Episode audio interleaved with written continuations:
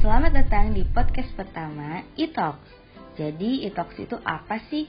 Nah, eTalks itu merupakan media kolektif dari para mahasiswa FEB Telkom University yang akan memberikan perspektif, sisi lain cerita, dan juga pengalaman yang inspiratif dari mereka yang sudah memulai untuk menjalankan bisnis dan hal kreatif lainnya. Nah, kalian bisa dapetin tuh informasi-informasi yang mungkin sebelumnya kalian belum ketahui. Dan masih banyak hal yang bermanfaat yang pasti akan kalian dapatkan ketika kalian mendengarkan podcast ini.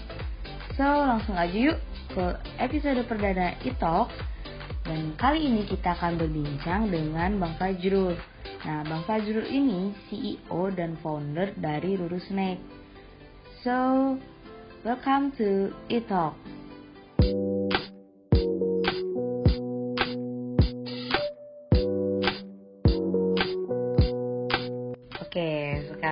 udah bersama CEO dari Ruru Snack. Nah, enaknya pertama-tama ini mending kita kenalan dulu ya, Bang. Nah, oke deh, dimulai dari Abang dulu yuk. Oke. Halo Ana, halo teman-teman semua. Nama saya Fadro Adiansa dan saya tuh CEO-nya Ruru Snack. Ya. terus, Jurusan? Jurusan Oh. apa nih, Bang? kis- eh, saya jurusan MBTI angkatan 2015.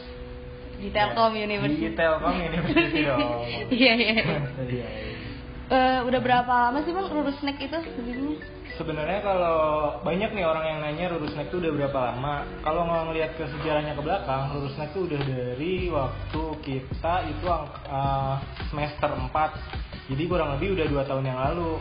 Oh, udah lama Iya, ya. udah lama. Tapi waktu itu tuh kita masih jualannya bukan produk kayak sekarang ini. Dulu tuh gorengan, vendor gorengan lebih tepatnya. Mm-mm.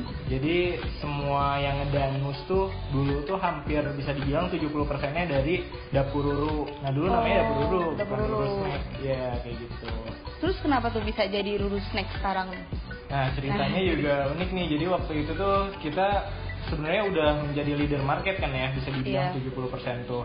Cuman kita sadar gitu, setiap hari tuh ada aja bahan-bahan yang kayak nggak kepake gitu karena kan gorengan tuh kan nggak bisa dalam beberapa hari ya. Iya, gorengan iya. tuh cuman satu hari ya udah langsung expired date. Iya. Nah kita tuh ngelihatnya sayang banget nih walaupun ada profitnya besar tapi Hmm. ya banyak barang yang terbuang gitu deh jadi sayang akhirnya kita nyari produk yang bisa tahan lama nih apa nih tapi jenis produknya masih ya yang mudah dijual lah akhirnya kepikiran lah waktu itu keripik pisang dulu Jadi pisang. Iya Terus abis itu langsung. habis keripik pisang kita coba dulu uji coba coba bikin tempat pabriknya kecil-kecilan ternyata gagal tuh yang keripik pisang Ya, kenapa tuh bang gagal ya? gagal karena kita nggak paham tuh bikin keripik pisang tuh kayak gimana sih waktu itu nah kita Iya. nggak tahu kita bingung banget ya gimana sih anak muda sosokan aja gitu kan Mhm. bikin akhirnya ya udahlah keripik pisang gagal baru deh masuk ke keripik singkong yang sekarang ini. Kayak Oh. gitu. Sekarang produksinya di mana? Di sini juga? Kalau yang keripik singkong ini kita produksinya kerjasama. Kerjasama. jadi tempat produksinya ada di sekitaran Cimahi di daerah situ. Di daerah Cimahi nah kita produksi di situ. Nah bagian yang untuk eh, udah jadinya di packing di sini dan Oh, dijualin dari di sini. sini. ya kayak gitu. Oh, itu tuh gimana sih bang? Eh, strategi pemasarannya tuh lurusnya kan Strategi sekarang bisa viral banget tuh. oh iya mas Iya dong, setiap sponsor tuh pasti sponsor by Ruru Snack gitu kan keren banget tuh bang. Nah coba gimana strateginya tuh bang? jadi waktu dulu kita pertama kali mulai ya waktu masih namanya dapur dulu tuh emang udah mainnya kan di kepanitiaan ya kita Iya. nggak ngejualin ke retail satuan gitu lah apalagi ke toko-toko nah kita di situ malah ngelihat sebuah peluang gitu ketika orang-orang yang punya bisnis-bisnis kayak keripik lah yang dikemas-kemas kayak gitu ngejualinnya di toko oleh-oleh ngejualinnya via sosmed satu-satu Mm-mm. Nah itu tuh kita ngeliatnya kayak lama gitu. Iya. Sedangkan ternyata ada loh pasar yang nggak ada pemainnya, tapi sangat profitable banget gitu.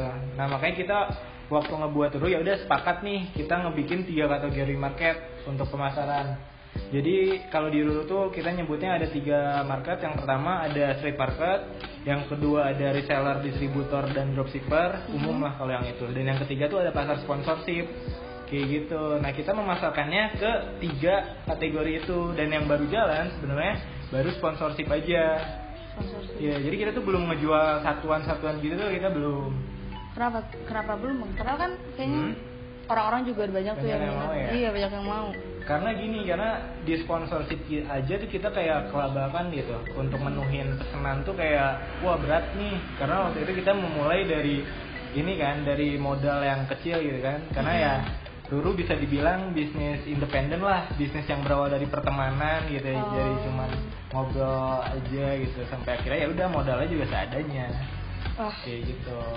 Inspiratif banget ya teman-teman ceritanya mulai dari tadi yang vendor terus Iya. langsung ke keripik pisang pun sempat Iya. gagal kan bang ya nah terus sekarang selama jadi udah Ruru snack ini kan pasti ada tuh bang kendalanya Betul. nah itu gimana tuh cara ngatasinnya Kalau kendala gini kalau kita tuh kan ada Ruru tuh sekarang tuh foundernya ada tiga orang ya. Iya. Kebetulan kita tuh anak MBTI semua, eh MBTI dua. milih dua Ya yang satu tuh anak sistem informasi, tapi dia juga ya suka jualan gitu. Oh.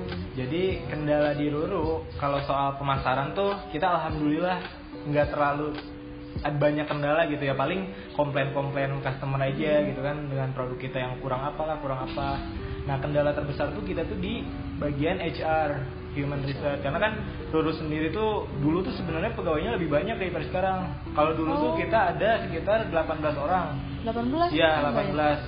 18. Itu dan itu banyaknya di bagian pemasaran. Iya. Sampai akhirnya kita cut lah sekarang jadi cuman ada 13. 11. Nah, jadi sekarang ada 13. Kendalanya waktu itu ya gimana sih ngurus orang terlalu banyak padahal bisnisnya belum terlalu besar gitu kan. Jadi banyak ya banyak inilah banyak konflik, banyak opini-opini yang tidak tersampaikan dari tim sendiri. Jadi ya akhirnya waktu itu kita mencoba untuk merestrukturasi organisasi lah. Kayak gitu. Oh, sekarang udah aman-aman aja nih dari Kalau ya. sekarang ngelihatnya kayaknya pas nih proper Pas. gitu. Iya, dengan tim yang berjumlah 13 orang ini dan market kita segini kayaknya udahlah segini dulu aja gitu.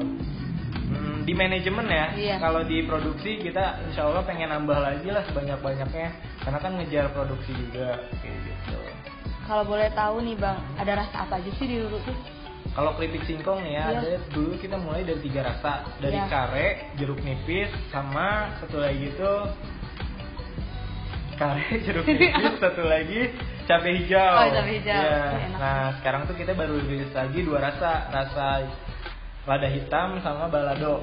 Jadi totalnya ada lima rasa, kayak gitu. Yang paling best seller tuh apa bang? Paling best seller ya?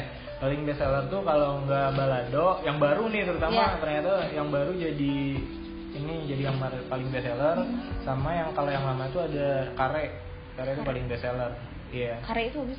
Kare itu kari. Oh, kari. Iya, cuman kita tuh terbiasa nyebutnya tuh kare gitu. Oh, kare. Dan itu orang-orang juga sama banyak yang nanya, kare itu kayak gimana sih? Mungkin karena pada penasaran Iya, kali iya. ya dengan nama kare. Akhirnya banyak yang beli ya. Gitu. Iya mantep. Oh iya, abang tuh 2015 kan ya? Iya, Bang angkatan 15. Berarti lagi sibuk-sibuknya skripsi gitu. Betul. Nah. Gimana tuh bang cara bagi waktu? Pasti kan Hmm. skripsi harus dikejar iya, terus Iya. kan juga pasti harus dipikirin juga gitu. Nah, Betul. untuk membagi waktunya tuh gimana dari abang sendiri? Kalau soal itu jujur aja emang kayak apa ya kayak kewalahan lah. Di satu sisi emang Ruru lagi berkembang banget. Sayang banget kalau ditinggalin gitu. Takut uh, kesempatannya hilang. Di satu sisi ya harus lulus juga gitu kan. Karena Iya. angkatan 2015 emang udah tahunnya harusnya lulus gitu. Iya.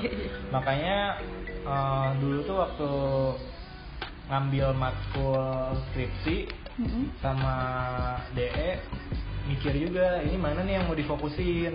Akhirnya abang waktu itu ya udahlah milih skala prioritas mana yang prioritas lebih utama atau kalau lulus duluan atau ruru duluan. Hmm. akhirnya waktu itu tuh kita abang pribadi milih untuk ya udahlah ruru dulu aja skripsinya nanti belakangan. Hmm, nah itu that's why kenapa teman-teman abang tuh udah banyak yang lulus tapi abang Iya, pribadi belum gitu masih nge- masih nyusun lah. Masih karena waktu itu ya itu milih untuk ngembangin Ruru dulu lah karena pas banget momennya tuh pas banget ketika Ruru tuh punya banyak kesempatan untuk berkembang gitu bisa meroket lah bisa dibilang dengan harus lulus tepat waktu gitu. jadi bikin skala prior- prioritas, aja Iya iya sih. emang setiap orang tuh harus punya skala prioritasnya sendiri kan ya bang ya Iya. iya Gitu. terus sekarang abang lagi sibuknya berarti ruru aja nih Sebenarnya kalau ngomongin Apa? itu aja sih bisnis di Ruru Bisnis, iya, bisnis. dan skripsi aja. gitu. Skripsi aja. Mm. pusing nggak tuh bang skripsi Sebenarnya ya kalau pusing tuh enggak ya. Iya. Kalau dijalanin tuh skripsi tuh ya udah gitu tinggal dijalanin. Cuman karena mungkin kepikiran sama bisnis kali ya jadi dan emang suka passionnya di bisnis Mm-mm. jadi ya kadang kalau mau ngerjain skripsi tiba-tiba ada problem bisnis pengen cepet-cepet untuk nyelesain problem sama abang juga tuh aktif di main pasar saham jadi kan oh invest gitu Iya, invest itu trading tiap hari Senin sampai kan pasar saham tuh buka Senin sampai Jumat. Iya, iya. Jadi ya Senin sampai Jumat tuh di jam bursa saham tuh kadang ya udah mantengin layar saham aja kayak gitu. Itu makin ngeganggu lagi. Oh, iya, ganggu lagi. Tapi gimana ya? Ya seru aja kayak gitu. Iya. mungkin langsung aja bang tipsnya tuh dari abang sendiri untuk Hmm. para kan banyak nih Ya. Eh, saya juga pernah tuh bang ngalamin kayak pengen banget bikin bisnis cuman eh, bingung untuk memulainya nah gimana tuh bang biar orang-orang tuh nggak bingung gitu buat Iya. memulai bisnis gitu Sebenarnya gini sih, ini nih banyak banget nih karena abang Yoyo di HIPMI kan. Nah banyak tuh kader-kader bawah tuh yang nanya gimana sih buat untuk memulai bisnis. Sebenarnya jawabannya tuh klise sih, klise tuh? mulai aja dulu gitu. Karena gini kita tuh semua tuh pasti mulai masuk ke bisnis tuh dengan pengetahuan yang awam ya, iya. Nggak tahu apa-apa lah. Tapi dengan gimana caranya kita bisa tahu tuh ya itu dengan cara memulai dulu gitu. Lebih enak dengan cara kayak gitu. Karena kayak gini ada dua ada dua ini nih kalau menurut abang tuh. Ada orang yang belajar dulu teorinya lah atau belajar dari pengalaman orang lah tapi nggak mulai-mulai sampai pada Oh. akhir ya ketika dia mulai ternyata beda nih case nya karena Iya. perjalanan bisnis satu orang dengan orang yang lain tuh nggak mungkin sama kayak gitu. Iya sih. Atau dengan cara ya udah mulai dulu aja. Terus nanti ketika ada problem apa misalkan ada problem di pemasaran ya udahlah pelajari dulu marketingnya baru nanti langsung solve lagi gimana. Nanti ada problem lagi di uh, human research ya udah pelajari dulu gimana nanti langsung tancap lagi. Kayak gitu simple. Iya sih Iya. yang penting mulai aja dulu ya klise tapi ya emang itu iya kuncinya. gitu sih iya sih banyak juga kan orang yang nanya sana sini sana Iya. sini tapi nggak mulai mulai gitu Betul. akhirnya udah aja lupa udah keburu males kalau kayak gitu biasanya Betul. ya udah deh mungkin segitu aja kali ya bang ya makasih Oke. banyak nih udah nyempetin untuk Iya. hari ini di podcast pertama kita nih bang Wah, ya pertama, iya perdana. per- perdana banget ini dan langsung sama Ruru Snack nih dan anak Telkom sendiri gitu ya Iya, terima Ya. kasih juga Ana. Semoga Iya. teman-teman yang ngedengerin juga bisa sukses cepatnya lah. amin ada Instagramnya mungkin bang apa Instagramnya ada di @rurusnack. Ya, itu At aja. Rurusnack, Nah, udah. Semua sosmednya kita rurusnack. Ruru Snack ya oke cukup sekian nah makasih ya bang Thank you. Udah.